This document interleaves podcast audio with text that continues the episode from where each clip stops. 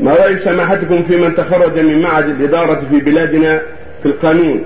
ونصب ونصب حكاما في وزاراتنا وفي دوائرنا يحكمون بغير ما أنزل الله ويسمون بالمستشارين القانونيين.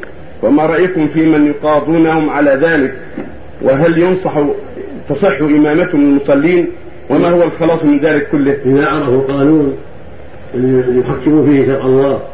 وليبطلوا ما فيه مما يخالف أمر الله فلا بأس بذلك. يعرف القانون لإزالة ما فيه من الشر ولمعرفة ما فيه من الشر. وأما الحكم فلا. ولكن الذين درسوا القوانين ليعرفوا ما فيها من باطل ويتخلصوا مما يقع من شركات وغير شركات حتى يعرفوا قوانينهم وما هم عليه. لينفذوا فيهم الحكم الجائز والحكم الشرعي. وإذا وجدت أي قانوني حكم بغير ما أنزل الله فارفع عنه ولاة الأمور. أو للمحاكم الشرعية أو لأي حاكم من الحكام حتى ينظروا في الأمر.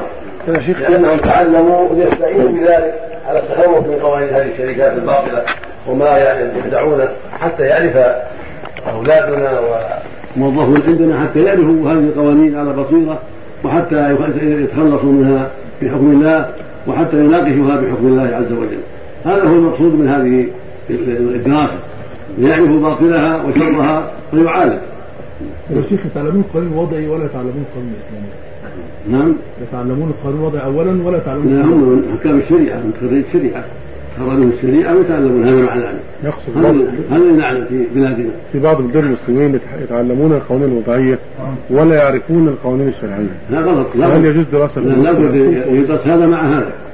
حتى يفاضل بينهما ويرى مزيه الإسلام على هذا القانون الباطل. هم يتعلم القانون الباطل ويترك القانون الشرعي هذا باطل. منكر